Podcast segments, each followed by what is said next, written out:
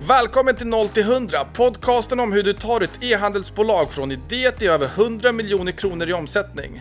Vi är Fedja och Jakob och vi kommer ge dig alla våra bästa idéer hur du kan växa ditt bolag.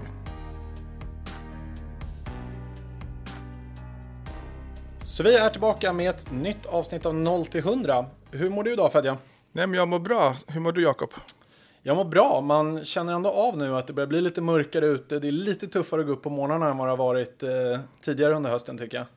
Ja, och nu är ni ju tre barn i familjen, så det är väl eh, ännu tuffare.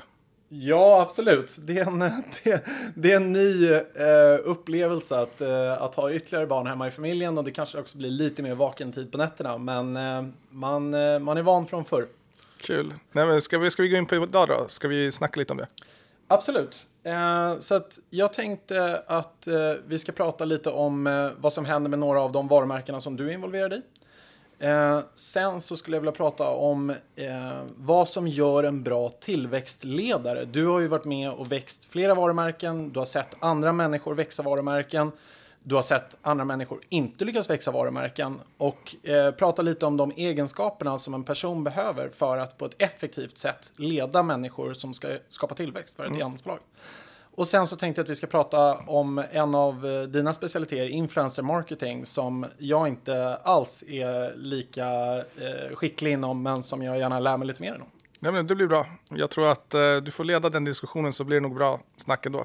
Absolut. Om vi börjar då med, med några av våra varumärken som vi jobbar med. Var, var vill du börja någonstans? Nej, men jag tycker några highlights. Ett, Under Your Skin inträde på apoteket. Och det har ju tagits emot enormt bra. Vi så, jag la ut en post på LinkedIn för några veckor sedan så där jag visade tomma hyllor, det skäls från butikerna, reorder efter reorder och nej, men det går fantastiskt bra. Och anledningen till att det går bra är såklart att varumärket har vuxit i styrka och det här är det första fysiska butiken som eh, varumärket lanserar i. Och vi har ju sett tidigare när e-handel.se skriver om du vet, långa köer när en eh, D2C öppnar pop-up. Det finns ju en anledning att man vill klämma och känna på produkterna. Mm, absolut. Och det vart ju de köerna när vi öppnade våran pop-up också här i Sankt Eriksplan. Men uh, inte alls samma känsla som när man lanserar ja, men du vet, hela landet i över 300 butiker. Nej, men exakt. Det, det är lätt att glömma bort tror jag. Att även varumärken som är relativt små. För att även om man är skin någonstans i, ett, i en podd som handlar ja. om att ta ett bolag från 0 till 100 är relativt stort. För det är halvvägs upp till 100. så, så är det ändå så att eh, sett till ett, det bredare landskapet så är Under Skin fortfarande ett ganska litet bolag. Men, oh ja. det, men det som är liksom den stora skillnaden med direct to consumer-bolag. Det är att man lägger så enormt stor del av sin revenue på marknadsföring. Så att varumärkeskännedomen runt ett direct consumer-bolag är någonstans långt större sannolikt än vad toplinen kanske indikerar. Ja, nej men så är det ju. Jag pratade med lillebrorsan som jobbar som säljare för ett av de eh, globala techbolagen. Och när han pratar så pratar han i volymer om så här hundratals miljoner kronor i försäljning till en retailbutik. Och jag pratar då till Apoteket AB om så här några miljoner kronor i försäljning. Så det är inte alls i samma nivå, det är inte ens samma ballpark-nivå. Men för oss är ju det en stor lansering. Och att saker och ting gapar tomt på hyllorna och att vi får en forecast på du vet, så här, tiotusentals produkter då blir man så här lite varm i hjärtat och tänker shit, det här har, det här har tagits emot bra. Och skillnaden då är att de, eh, de det företaget som min lillebrorsa jobbar på, de annonserar ju inte lika hårt som Andreas Kinn gör i sociala medier med influencers som vi ska prata om sen och eh, med Snapchat eller TikTok, utan de förlitar sig på att deras återförsäljare använder någon typ av marketingbudget för att köpa Google Ads till deras produkter. Och i och med att varumärket är så välkänt och marknadsledande i sin nisch så kommer den få en hög efterfrågan ändå. Exakt, men och, och traditionell retail, liksom traditionella retailbolag, stora som relativt små, de tenderar ju att göra någon form av brand awareness marknadsföring om man ska kalla det för. Alltså de gör ju tv-reklam och ja. den typen av, liksom inte konverterande reklam, men ändå reklam som kanske gör att man får någon form av varumärkeskännedom. Ja. Och sen precis som du säger så säljer de sina produkter via återförsäljare, antingen online eller i, i fysiskt spår. Men de i sin tur, de tenderar ju bara att göra liksom very bottom of funnel reklam. Ja. Eh, och det saknas ju någonstans, i alla fall om man, om man själv driver ett bolag, så saknas det ju någonstans väldigt mycket marknadsföringsutrymme däremellan. Alltså hela det, det som vi i vanliga fall kallar för top of funnel och liksom middle of funnel och a, alla de budskapen som man behöver berätta för någon däremellan, det saknas i viss utsträckning i traditionell retail. Ja, det saknas nog i all utsträckning i traditionell retail och det är därför D2C bolag kan utmana de här stora jättarna. Och det är därför ett litet Under kan gå mot stora L'Oreal eller du vet, stora bolag i Procter Gamble-koncernen och sen ta marknadsandelar i sin lilla nisch. Det är klart att i det stora hela så är det en, en väldigt liten, liten, liten, liten, pytteliten andel. Men i lilla Sverige så är det en ganska fin andel och fortsätter det växa på så kommer det ju såklart bli ett, efter ett tag bli marknadsledande i och med att man fortsätter spendera så stor andel av omsättning på marknadsföring.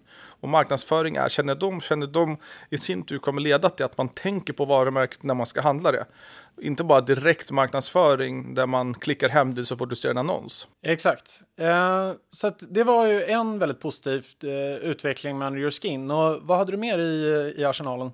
Nej, men jag, jag, tänkte också berätta om att vi kom in på NK med Mockberg. Stort steg. Verkligen. Stor eloge till teamet på Mockberg. Alltså, vi har ett säljteam på en person. Mm. men det är ändå en heltidsanställd som man får ge det det.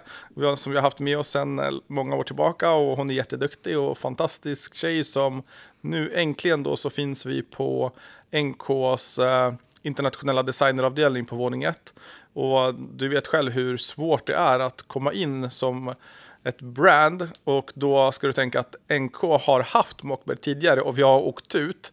Det här var då innan min tid, mm. innan vi blev delägare och började jobba med Mockberg, men de åkte ut och då är det ännu svårare att ta sig tillbaka. Just så, det. så ja. Nej, men och, eh, det, det, är lustigt det där med liksom, det, det, är en man, eh, eller en kvinna kanske i det här fallet, som, som jobbar just med sälj av, eh, av wholesale, men någonstans så hela retail är ju i alla fall i viss utsträckning en relationsbusiness.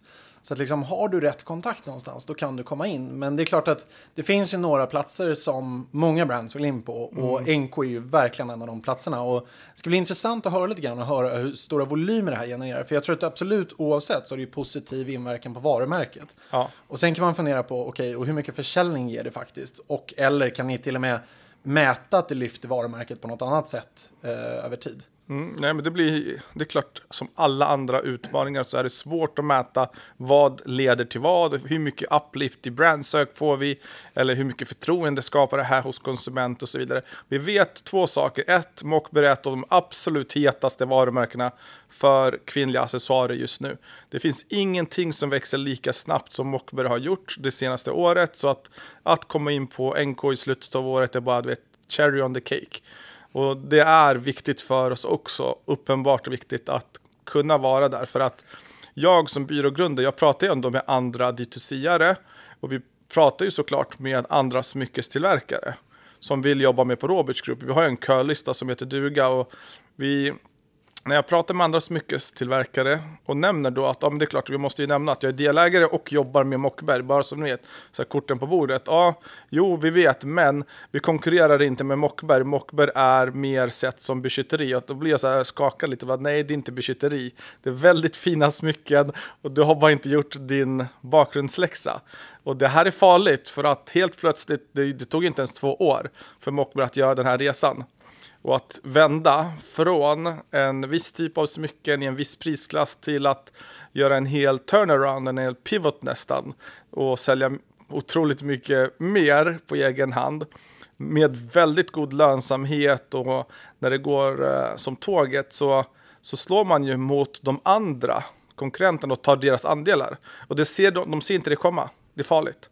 Nej, men det är sant. Jag tror att ofta så har människor svårt att titta på sig själva och förstå hur de passar in i landskapet. Det är väldigt lätt att titta på alla andra och ha åsikter om dem. Mm. Men det är svårt att titta på sig själv och lite förstå hur man ska gå till marknad och framför allt när det, gäller, när det kommer till just det här liksom eh, enhörningen varumärke. Vad är varumärket? Och du har ju pratat om det tidigare här att någonstans, ett varumärke är det som dina kunder uppfattar det som. Har du inga kunder har du inget varumärke.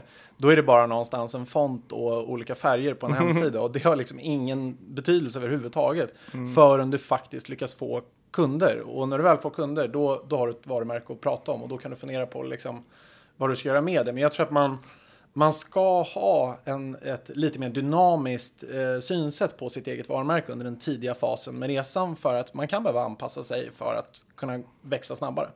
Nej, men jag håller med. Jag har varit av den åsikten av att någonstans varumärkesbyggande aktiviteter ska inte små D2C-bolag arbeta med överhuvudtaget. Man ska inte bara bort från det. För att du har inte budgeten att sitta och slåss med Procter Gamble, L'Oreal och, och de liknande storbolagen. Du har inte det. Just don't do it. Du vet. Håll dig borta från varumärkesbyggande aktiviteter och jobba på att anskaffa kunder.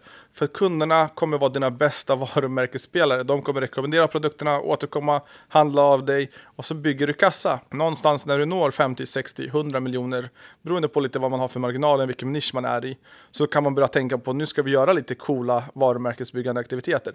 Och det är klart att det går att bygga ett varumärke coolt från start och uppåt. Jag tror att vi nämnde Unna här i för någon podd sen som eh, vår gäst nämnde och vi har nämnt eh, bolag som både CDLP och Kimi och bra bolag som har byggts väldigt häftigt från start.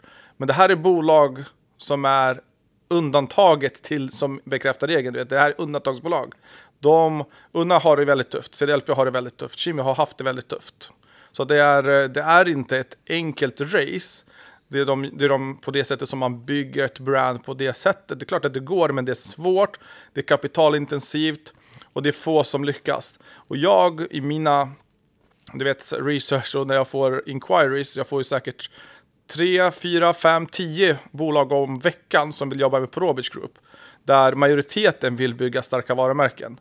Och när man ser hur, vilket sätt de vill bygga varumärke på och hur mycket pengar de investerar i PR-byråer eller i vad de har gjort om sin logga eller brand eller sajt när man har investerat en miljon och omsätter du vet två i att bygga sajt du skrattar, men det sanningen är ju att den svider i både kropp och själ. Och någonstans, du vet, min, min farfar som inte ens lever idag vrider sig i graven när jag berättar om det här högt. Hur, uh, hur skrämmande verkligheten ser ut, men den ser ut på det sättet och jag ser det. Och jag ser samma bolag gå i konkurs eller pivota bara ett halvår, ett år, två år senare. Jag har ju kvar, du vet, vår leadslista någonstans i en Excel med över hundratals, nästan, jag vet inte, över tusen bolag nu. Och när man går in på vilket som helst av dem som ville bygga ett starkt varumärke så är det borta idag. Och det är synd, det är tråkigt, för jag såg ändå en stor potential ibland i det. Men när man har spenderat hela sin du vet, besparing på att något som man tror är coolt, för det är väldigt subjektivt vad som är coolt och upplevs häftigt, mm. och det inte fungerar, då är det inte så coolt längre. Jag, jag har en teori då, att eh, kan det vara så att människor som generellt sett vill fokusera väldigt mycket på varumärket tidigt, de tenderar att vara lagda mer åt det kreativa hållet till. Det, det tror jag liksom är en, en, är en stark teori. Mm. Eh, men det, det som då kanske går förlorat eller som man missar i den ekvationen, det är att det är precis som du säger också extremt kapitalintensivt. Mm.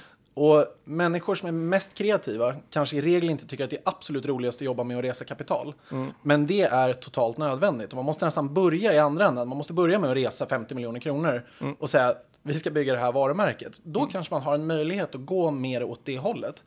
Det är ju så CDLP då till exempel har gjort det. Kimi, Kimi var i alla fall tidigt, nu har jag inte tittat på deras resultaträkning helt eh, fräscht, men jag vet att de ändå ganska tidigt hittade någon form av break-even eller liksom till och med nästan lite lönsamhet tidigt. Men CDLP har ju haft en mer kostsam resa, men de har varit väldigt skickliga på att resa pengar. Och mm. Det gör ju att de kan någonstans vara lite ett unikum, där man har kunnat jobba på ett väldigt starkt sätt med varumärket tidigt. Men vi får också se nu hur det blir när det är kanske lite tuffare period att resa kapital om de klarar av att fortsätta göra det och, och kunna bygga ett varumärke. För lyckas de fortsätta resa kapital så tror jag säkert de kan bygga varumärket stort över tid. Men då har det varit väldigt kapitalintensivt längs vägen. Mm. Ja, och det, det är sant. Och tittar man då på bakgrundsfaktorerna till varför vissa brands lyckas. Varför lyckas Gaia? Varför lyckas Kimmy? Varför lyckades X-bolag?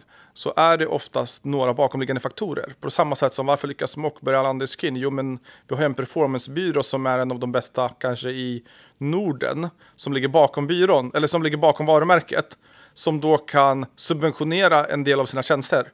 Så det är klart att det finns en större anledning till att Anders Skin eller Mockbergs of the World kommer lyckas när de har den, det artilleriet bakom sig jämfört med om ja, men typ Kimmy eller, eller något annat skulle ju köra performance-spåret. De hade däremot en PR-byrå bakom sig. De hade en drös häftiga kreativa människor som de kunde säkert subventionera mellan PR-byrån och varumärket. Och sen blev varumärket så pass stort att en del människor från byrån kliver över till varumärket på samma sätt som det sker hos Probit Group och varumärken också. Vi hade ju en, en fantastisk growth manager som klev över helt till Under Your Skin mm. i årsskiftet vid uh, föregående årsskift. Så att uh, det leder oss kanske in på nästa diskussion ja, med uh, att vi, vi är två growth managers kort och vi vill rekrytera och växa för att hjälpa våra varumärken såklart. Ja, exakt. Där tänkte jag ju fråga dig lite grann. Vad gör en bra tillväxtledare någonstans? För att eh, tillväxt handlar om så himla många olika spår. Man kan rimligen inte vara specialist på allting.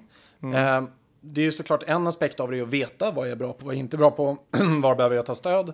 Eh, men om, om du skulle försöka bryta ner det, vad är liksom viktiga egenskaper hos en person som ska leda ett tillväxtteam? Det finns två olika egentligen typer av growth-ledare. Där den ena grundar sig i datadriven performance-marknadsförare. Du har troligtvis varit så här, medieköpare en gång i tiden, Google eller Facebook. Du har lärt dig hur man köper media. Du är väldigt, väldigt datadriven utav dig och kan läsa av alla performance metrics. Den andra typen är en projektledare eller har varit projektledare, väldigt strukturerad, är van med att leda människor i team där man får saker gjort och man kan planera framåt och man är Eh, men väldigt detaljorienterad och släpper inte fokus. Det är inget, inget spår är säm, så bättre eller sämre. Båda spåren är blir bra growth managers för e-handlare. Det finns säkert fler spår, men det här har vi sett är de bästa bakgrundsegenskaperna. Sen kan man såklart komma från, eh, ja, men som du gjorde, med, från managementkonsulthållet och haft eh, ett, ett konsultliv bakom dig och sen kanske startat ett varumärke och drivit det och sett alla utmaningar som kommer med logistik och plattform och anställda och marginaler och problem med produktionsledet och du vet allt det man lär sig gör en till en bra growth manager också. Så vi kan ju och har kunnat rekrytera både internationellt om det finns en framgångsrik dropshipper som är fantastisk på att scouta nya produkter, har gjort en egen e-handel, skalat upp den på några miljoner och sen så oftast så faller ju dropshipping ganska fort när flugor dör. För att produkter är heta ett tag och sen går de ut ur mode och då har du inte byggt ett underliggande värde i vad vi kallar för varumärke som vi pratade om precis. Det finns ingenting därunder. Så då dör en i en dropshipping-butik. Det är inget dåligt med den affärsmodellen förutom att vissa ställer skräp från Kina. Men i övrigt så är det inget negativt med den affärsmodellen utan man, man fostrar stjärnor. Och där kan vi också leta febrilt för att hitta bra growth management-byrån. Ja, exakt. Nej, men, jag, jag håller med. Jag, jag tror att det, liksom, det, dels, det kräver någon form av projektledaregenskap. Även om man eh, kommer från performance-hållet till så tror jag att det är viktigt. Man behöver kunna hålla reda på fler saker. Det är viktigt att man inte heller blir för insnöad på att tänka att det här är bara performance. Utan det finns ju även så att säga, andra aspekter man behöver hålla reda på.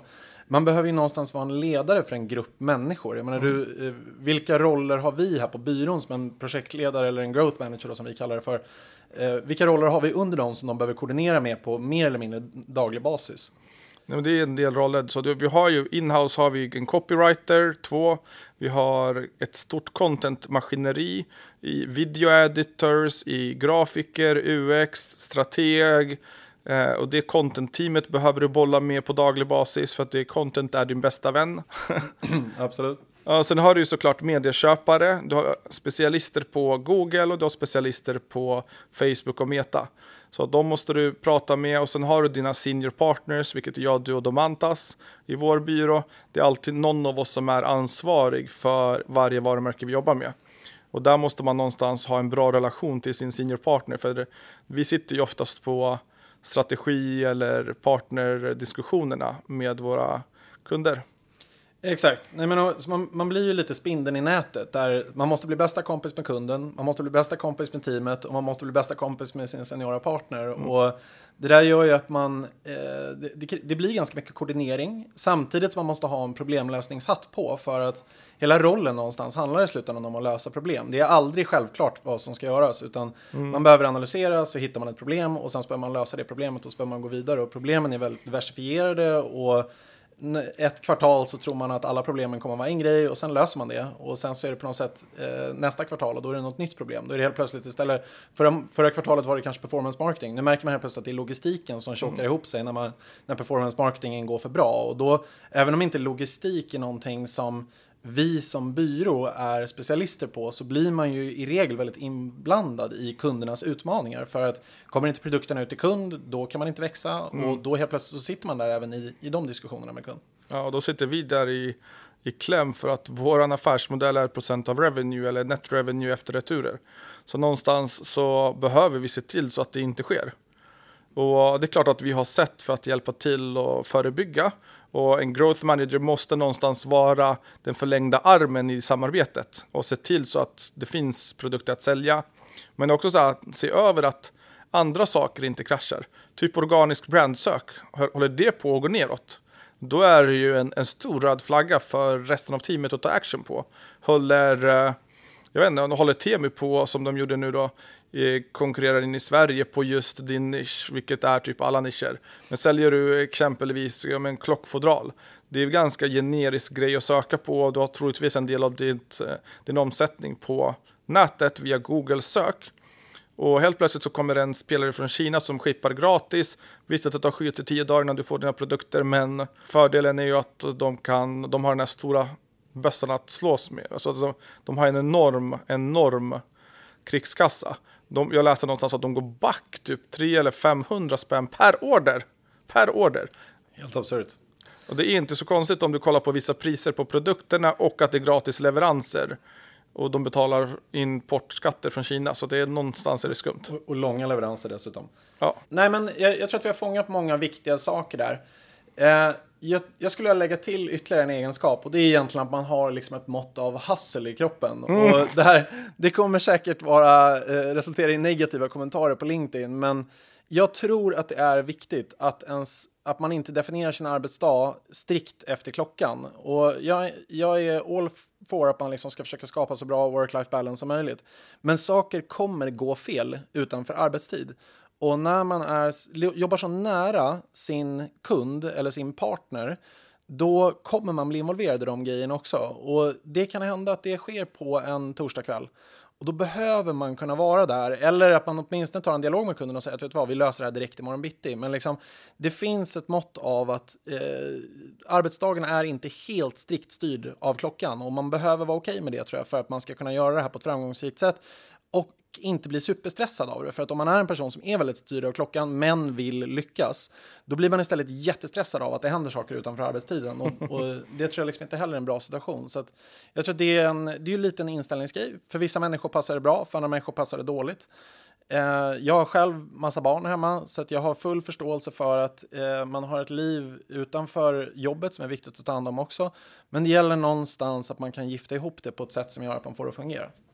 Nej, och jag, jag ska tillägga att jag har också pratat mycket om work-life balance, eller själva life balance. Hur får du livet att gå ihop? I mitt fall har det ju varit att jag och min fru jobbar på samma byrå för att få livet att gå ihop. Och kanske alla, alla, alla sitter inte på samma lyx, liksom. Man kan sätta ihop och merga familjelivet med arbetslivet. Men det jag vill säga med det är att jag tar hand om familjen först. Alltså ta hand om familj och din egen hälsa. Så kommer det blir bättre på jobbet också. Du har någonstans tre cirklar i livet. Du har, tar du inte hand om dig själv eller familjen så kommer jobbet ändå vara lidande. Sitter man och jobbar alldeles för mycket och off hours och så vidare, så även om, om eh, så, så kommer det bli fel. Och det vi erbjuder med våra roller, i princip alla roller, men speciellt för growth managers, är ju den flexibiliteten det är med att strukturera upp sitt eget arbetsliv. Och som Jakob säger, är man inrutad i att man ska jobba 8 till 5 då är det fel position. För att man kanske har eh, barnhämtning klockan fyra och det är helt fine för oss. Vi har aldrig kommenterat någonting om det. Men då förväntar vi oss också att skiter det sig någonting på kvällen, då tar man tag i det. Alltså, går sajten ner eller checkouten inte funkar, då brukar man hjälpas åt. Exakt. Och det, där, det, det, blir ju lite som militären på det sättet. Att så här, man, man är närmast sina kollegor och man håller ihop. I, I vått och torrt. Militär är dålig, dålig jämförelse. Nej, jag tycker det är en bra jämförelse. Vi behöver inte alltid hålla med varandra. Nej, men jag, jag tycker att det är en ganska bra jämförelse. Du vet, när man, gör, när man gör lumpen, då blir man väldigt nära med de människorna man är med. För att Ja. du sitter eh, fem personer i någon våt bunker någonstans Mm. och tittar ut. Och det, det är ändå lite liknande att, eh, att jobba med en kund. Det händer grejer, vissa dagar går det superbra, alla sitter och Mm. garvar, andra dagar går det superdåligt. Men oavsett så har man sitt team. Ja. Man håller ihop och, och på det sättet är det likt militären. Va? Fine. Ja. Jag, jag, jag håller med på det sättet, men du vet många andra sätt. Jag gjorde också lumpen och det är långt ifrån. Där det är eh, väldigt, eh, ja men den disciplinen och så vidare. Men om vi går vidare för att growth managers, vi frågade också vad jobbar en growth manager med, vilka i teamet jobbar man med? Förutom att man jobbar med de vi nämner så har du oftast en analytiker, men det är också ett stort influencer-team som man jobbar med.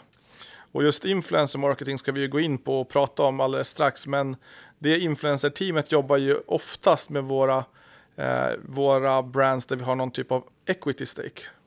Exakt. Eh, Men, men det sista vi kan säga kanske innan vi hoppar in i influencer marketing, det är väl att om du eller någon du känner eh, borde ha det här jobbet, så får ni jättegärna höra av er till oss på LinkedIn. Vi letar aktivt just nu efter nya growth managers, så att, eh, hör av er så tar vi en kaffe och berättar lite mer och eh, så får vi se om det är en bra match. Två, två till grejer man kan nämna att vi letar efter. Ett, vi letar också efter en e-postmarknadsförare, även Lior är accepterade nu i Q1. Och vi letar efter en eh, svensk copywriter. Vi, vi har två duktiga kollegor och vi vill bli fler. Så eh, gärna en, eh, att man sitter någonstans här i, runt om trakterna i Stockholm eller kan ta sig till Stockholm. Visst att vi har en remote first-kultur, men det är bra att kunna ses någon gång då och då. Då går vi vidare till influencer marketing och eh, här tänkte jag att vi går igenom lite olika områden och sen så får vi se var diskussionen leder helt enkelt. Eh, och skulle inte du kunna överordnat lite börja berätta om de olika formerna av influencer marketing när man betalar eller när man bara skickar ut produkter eller möjliga mellanting? Ja, men det är de två som du nämner. Antingen har du gifting, alltså seeding av produkt, eller så har du paid collabs där du betalar en eh, kreatör för ett specifikt nedslag med en specifik instruktion, det vi kallar för brief, där du skickar ut någonting och du vill ha någonting tillbaka. Du har mycket större kravmöjligheter när du börjar betala för dig än när du bara skickar ut produkter. Det är klart, det som vi ser som seeding idag är mest PR-utskick. Du, eh, det är lite lotteri. Kommer de lägga ut något? Kommer de inte lägga ut någonting? Dina då ambassadörer, kreatörer, influencers, vad du vill kalla det. Och de som lägger ut någonting är oftast att de snappar en bild med telefonen, lägger ut något på stories och säger tack för det här. Så det är inte så mycket bakgrund, det är inte så mycket story, du får inte ut ditt budskap. Det är egentligen ganska värdelöst, men det är ändå någon typ av awareness.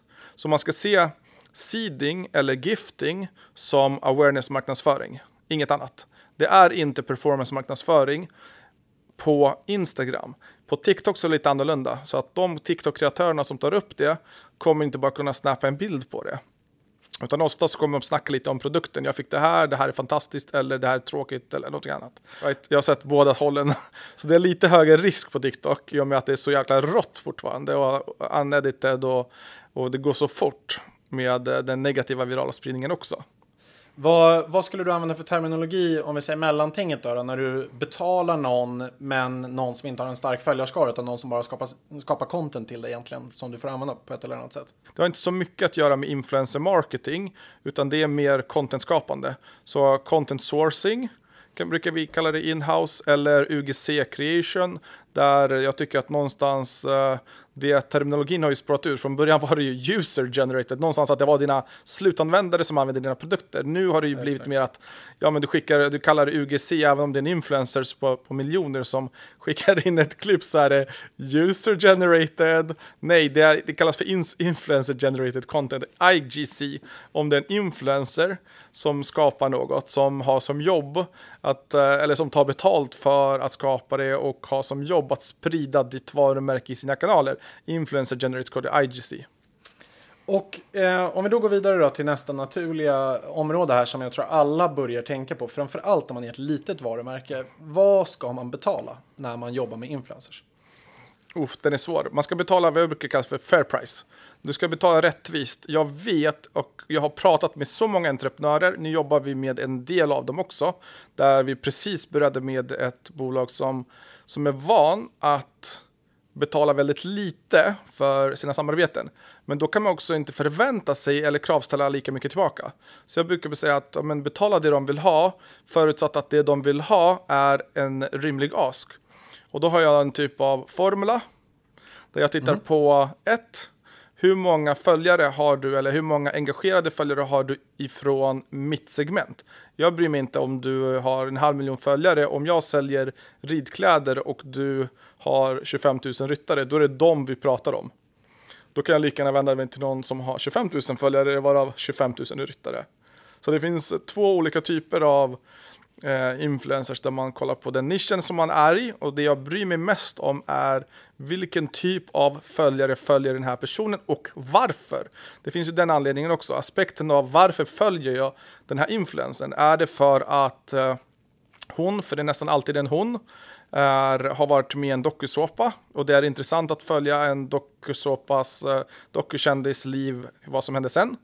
Och då är det ju inte så mycket att jag vill bli influerad av vad den dokukändisen har på sig har, eller eh, ta, har i hemmet i första skedet. Sen kan det växa, du vet med tid, efter ett år, två år, tre år så blir det starkare anknytning. Men jag har precis eh, sett många nya dokukändisar som får 100 000 följare och sen helt plötsligt så tror man att man kan ta lika bra betalt som, som organiska, alltså någonstans, du har vuxit en organisk följarskara mm. över tid som har följt dig i flera år.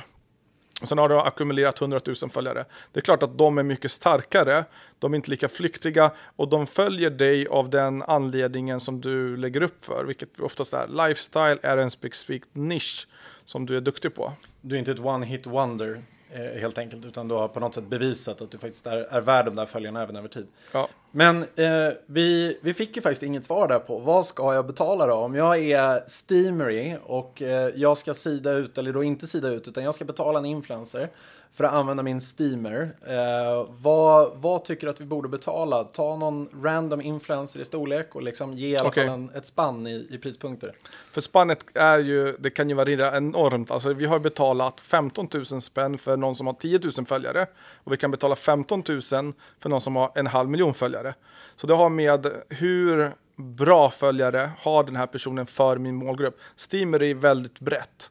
Om man tar Steamer som exempel, nästan alla kommer kunna använda sig av en steamery hemma. Jag har en steamery-maskin och det är egentligen för att ni som inte vet, det är strykning av kläder med vattenånga istället för gamla sättet att stryka på. En helt okej produkt i det stora hela. Och ska vi ta en steamery så är det ju en ganska dyr produkt också.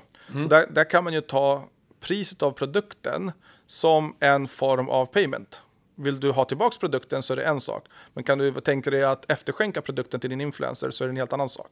Och jag tycker man ska kunna tänka sig att efterskänka produkterna för då får man bättre leverage. Och du får mer trovärdighet om ni ska göra ett andra collab eller ett tredje collab och ni ser att den här personen faktiskt använder dina produkter efter att den här collaben är slut. Så bra, why not? Så vad skulle det kosta då? Ja, men en sen följare skara på någonstans 30, 40, 50 000 som är ganska standard. Mm. Så kanske du ska tänka dig att kunna betala 5, 10, 15 000 som är någonstans standard i Sverige. Sverige är i överpris jämfört med andra länder. Vi var tidiga på influencer marketing. I princip alla varumärken har det på sin agenda. Du vet, jag pratar med stora företag som inte ens har någon onlineförsäljning och de sitter och tänker influencerstrategier. Har du ett retailföretag eller stort varumärke, typ Samsung, så betalar plöjer du ner kanske 20-tals miljoner i influencer marketing årligen och det är bara en liten del av din stridskassa. Amex, hur mycket som helst den typen av bolag driver ju upp priserna i lilla, lilla Sverige. Det är utbud och efterfrågan som är allt annat. Och tittar vi typ i Nederländerna så är det lite billigare, inte mycket. Tyskland lite billigare, inte mycket. I och med att de också har kommit långt. Tittar vi neråt då i södra Europa, Tyskland, eh, förlåt, Spanien, Portugal, Italien, Rumänien så har du mycket, mycket billigare influencer marketing för att de är fortfarande i startgroparna någonstans. Du kommer inte se ja, nu vet jag inte, men du kommer troligtvis inte se något kaffeföretag, Lavazza, samarbeta med betalda influencers eller Fiat börja med betald influencermarknadsföring. Jag har i alla fall inte sett det. Då kanske de gör det bara för att. Jag, jag har sett ett litet bolag på Mallorca som heter Playero som alla, uppmuntrar alla att gå in och titta på deras Instagram. Det är världens härligaste Instagram. What? De, de tar gamla Fiat-bilar och uh, gör om dem. Det är inte en så skalbar affärsidé. Men uh, det är väldigt, väldigt uh, snyggt content i alla fall på Instagram.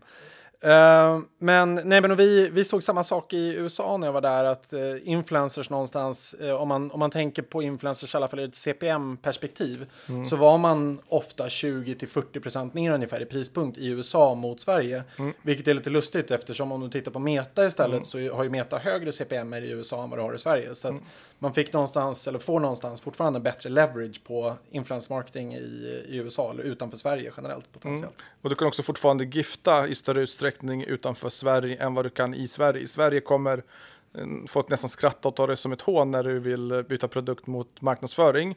Medan du i USA fortfarande gör det i stor utsträckning. Och kollar vi på varför det är så, så är det ju egentligen för att vem som helst, vart som helst i världen har bra kännedom kring det engelska språket, oftast. Right? Det, det är standardspråk i hela världen, du utbildas i engelska nästan i hela världen. Och det är ganska enkelt att starta en Shopify och sälja till USA från vart du än är i världen. För att Shopify är byggt någonstans för amerikanska bolag i grunden, någon gång back in the days. Nu funkar det internationellt, så det är väldigt tacksamt för att det gör det. Men om du både kan språket, du vet vilken valuta det är, du har vuxit upp med typ Hollywoodfilmer, så kommer du kunna annonsera på Facebook som också är på engelska. Relativt enkelt och väldigt snabbt som ditt andra land. Så att mm. även folk från Indien, Afrika, Sydeuropa, Sverige såklart, kan på ett enkelt sätt sälja till amerikaner. Och det driver upp priserna, utbud och efterfrågan. Medan influencer marketing är mer handpåläggning. Det är mer tidskrävande och som soloentreprenör så kommer du ha mycket svårare med att sätta en stor och långsiktig strategi för att få influencer marketing att fungera. Och då måste du ha en lokal kännedom om vilka influencers fungerar i det här området. Det är svårt att sitta i Sverige och boka amerikanska influencers. Det är svårt att sitta i Sverige och boka italienska influencers. Det är absolut inte omöjligt, du kan lägga din tid på det. Men det är klart att italienarna som har det här, de har vuxit upp med de här människorna och ser dem på tv eller hör talas om dem på radio kommer att ha fördel. Exakt. Uh, och om eh, vi går vidare då till att lite fundera på vilka varumärken, nu pratar vi om Steamery, det är någonstans, eh, de, de försöker visserligen vara både utbildande och lite lifestyle, men någonstans är det någon problem to solution typ av produkt skulle jag säga. Eh, vad är det för typ av varumärken som passar bäst in på influencer marketing? Det är många typer av varumärken som passar, men har man ett varumärke som är lifestyle, det vill säga du har ett fashion brand eller något liknande, så kommer du kunna nå ut till de allra flesta av influenserna på marknaden. Har du ett nischvarumärke som vi jobbar med ridsport till exempel, då vill du ju nå ut till en väldigt begränsad skara ambassadörer eller influencers som du vill diskutera upplägg med. Så att du blir väldigt begränsad i din utformning, men du kommer också nå din målgrupp på ett mycket enklare sätt. Så det finns för och nackdelar med allt.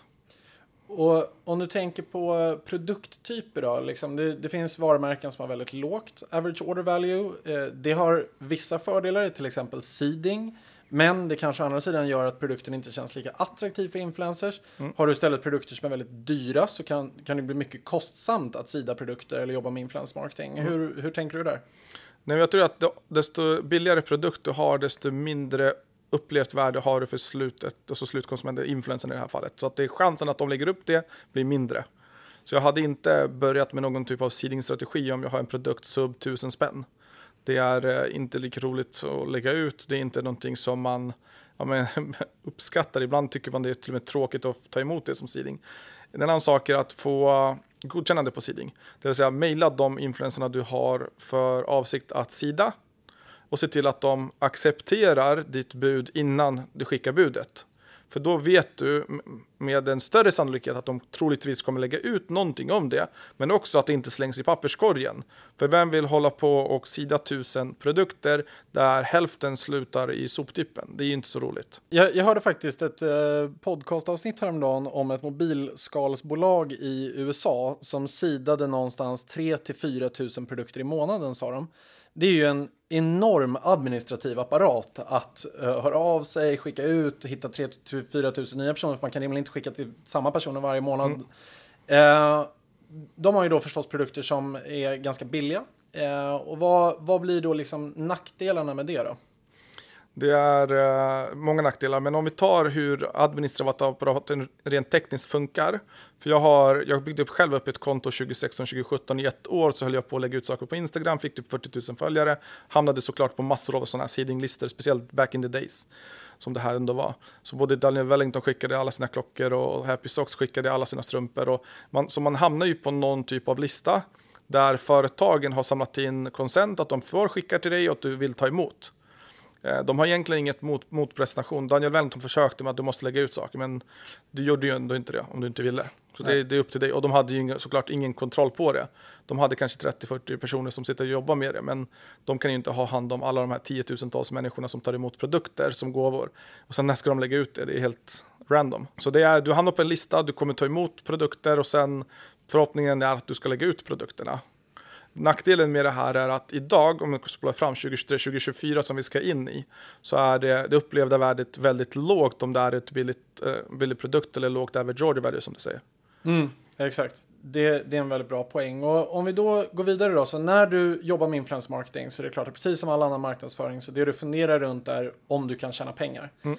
Vi har sett exempel med varumärken som vi jobbar med, som jobbar med influence marketing, men som liksom inte riktigt får till det. De får avkastning på det, men inte en, vad ska man säga, inte en positiv lönsamhet. Mm. Och då är det ju inte en, en gångbar väg. Liksom. Och hur länge ska man fortsätta försöka? Hur ska man säkerställa någonstans var försäljningen kommer ifrån? Hur jobbar vi med attribuering inom influence marketing? Kanske en... Ja, men det är en bra fråga. Så attribution inom influencer marketing är fortfarande en av de enklaste sakerna att attribuera. Du har två saker. Du har direktförsäljning och indirekt försäljning.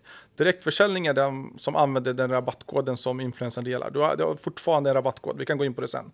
Och indirekt försäljning är de 95-98 % som inte handlar men har sett en influencer hylla din produkt. Och oftast så har de sett det klippet mer än två sekunder som är average på typ Meta. I Metas reklam syns i average två sekunder, sen scrollar du förbi. Så du betalar ju fortfarande en CPM oavsett och du har betalat för ett klick på Google eh, som i average är, du har ju din eh, drop-off rate. Så du kan ju se snabbt hur många som lämnar sajten, hur mycket har de upplevt eller läst eller sett på din sajt vilket oftast är mycket, mycket lägre än hos influencer marketing. Så influencers når fortfarande fler och det är fortfarande väldigt, väldigt lönsamt om man kan få snurr på retargeting-apparaten, vilket kan vara då Metas plattform eller du kan ta hänsyn till att du kommer få högre brandsök efter en influencer marketing-kampanj. Folk kommer inte köpa direkt när en influencer hyllar en produkt. Vågar du satsa tre, fyra nedslag med samma influencer? Ser man de teckningarna och det här, det här är ett konstverk i sig. Det är så mycket data som ges och det är så mycket data som ska crunchas. Så att tro att en influencer marketing manager eller specialist ska boka hundratals influencers eller, eller ens hundra influencers, 150 influencers. Nonsens, det är skitsvårt. Vad ger det? En timme per influencer per månad. Hur mycket data ska du hinna cruncha på det? Du vet, hur mycket ska du hinna tweaka, fine-tuna? Hos oss jobbar teamet kanske med 10, 15, 20, 30 profiler per månad. Exakt, men och, och eh, du pratade ju där om retargeting och där kommer man ju någonstans in på det här också med att få tillgång till influencerns pixel potentiellt och hur man skulle kunna liksom rikta annonser i efterhand och whitelisting av annonser. Hur, hur tänker du runt det? Mm. Om vi tar whitelisting till att börja med. Whitelisting har historiskt sett funkat jättebra, men som allt nytt på Metas plattform, för det var Meta som började med det här, så funkar det mesta som lanseras väldigt, väldigt bra i början. Det här började gå sämre och sämre 2021, 2022 för att fler och fler får den typen av reklam. De ser att det är sponsrat innehåll. Från början kändes det som influencer marketing fast du betalade för det och CPM på Metas plattform versus CPM hos en influencer är väldigt, väldigt stor diff. Du kan ha en CPM på typ 1000 kronor hos en influencer. Säg att du har 300 kronor om du har en väldigt, väldigt bra influencer som når många och kostnadseffektivt. Du har förhandlat bra pris. Men 300 är fortfarande väldigt högt i Metas plattform. Det är, nu pratar vi nästan LinkedIns plattform om vi ska upp i 300 spänn CPM. Så, det sagt. Eh, whitelisting funkade bra historiskt, funkar sämre idag. Funkar fortfarande bra på TikTok där vi kallar det för TikTok Sparks istället för whitelisting med same same. Det är lättare att genomföra i TikTok och kreatörerna är oftast mer kreativa i TikTok. Så du kan driva en eh, TikTok-influencer kampanj kommer inte driva lika mycket försäljning som TikTok Sparks kampanj kan göra. V vad tror du om den här idén då? Om att en influencer som du vet att du ska göra ett samarbete med, något lite större samarbete, så det är en satsning du gör. Ja. Så du ber om att få tillgång till influencerns pixel. Och sen så kör vi våra vanliga annonser, alltså våra, våra evergreen-annonser, mot den här influencerns följare under en två veckors period ganska intensivt. Innan influencern lägger upp ett organiskt inlägg och ger en discount code.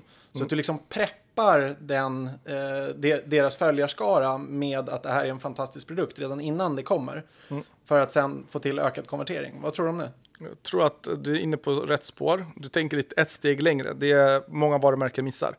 Och tittar vi på, du kallar det pixel, fine. Men om vi kollar på den pixeln som du säger eh, så har du gett en consent till att eh, ett företag kan retargeta dina, dina, din målgrupp, de som följer dig. Så gör du det med dina evergreen-annonser så kommer de ju börja få känning för de här typen av produkter.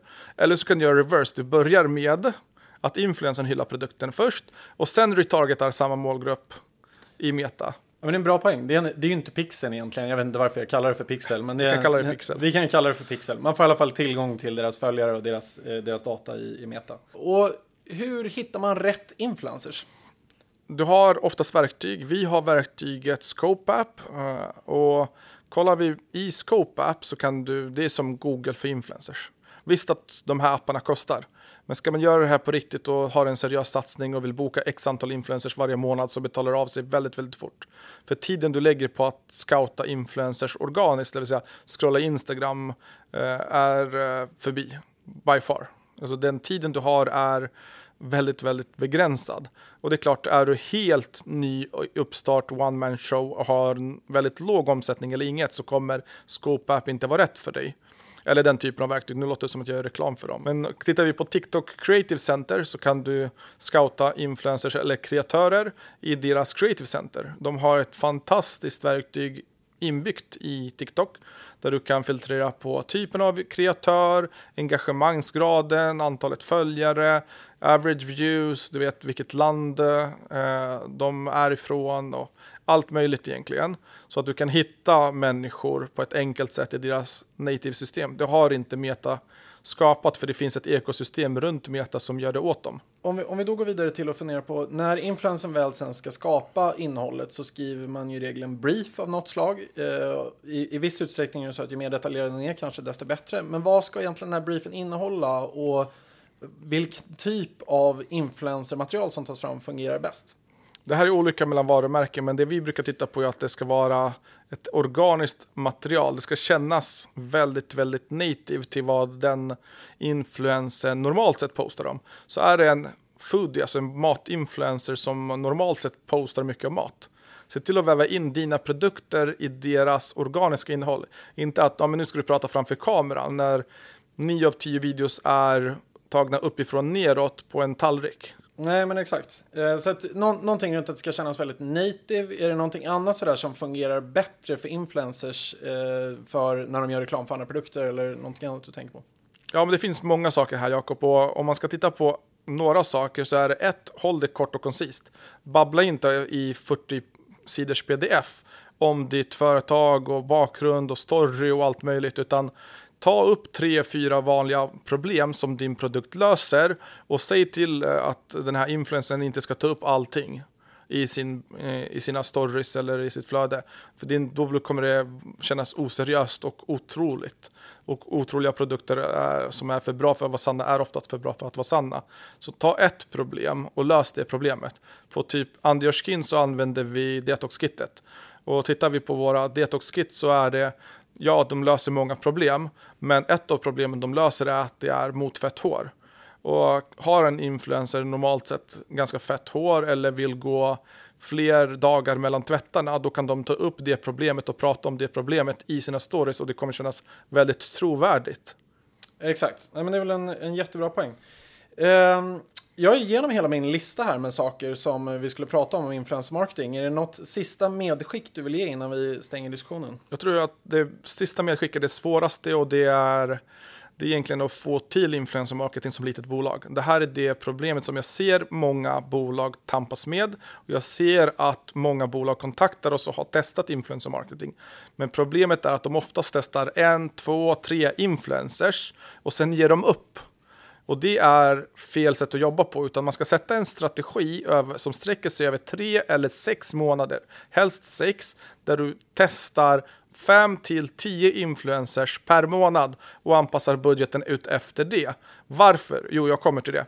Så har du 10 influencers över 6 månader så ponerar vi att den första månaden så har du 8 bommar, det vill säga 8 influencers går åt helvete. En går bra och en går okej. Okay. Då vet du att månad två så ska du boka den influencern som gick bra. Och så går åtta dåligt igen en går sådär, du får kanske tillbaka dina pengar, men du hittar en ny. Helt plötsligt så är vi inne på att två av elva går bra månad två. Månad tre fortsätter vi spola fram det här så ser du snabbt vart det leder. Att månad sex så har du sex influencers som har och fortsätter presterat bra.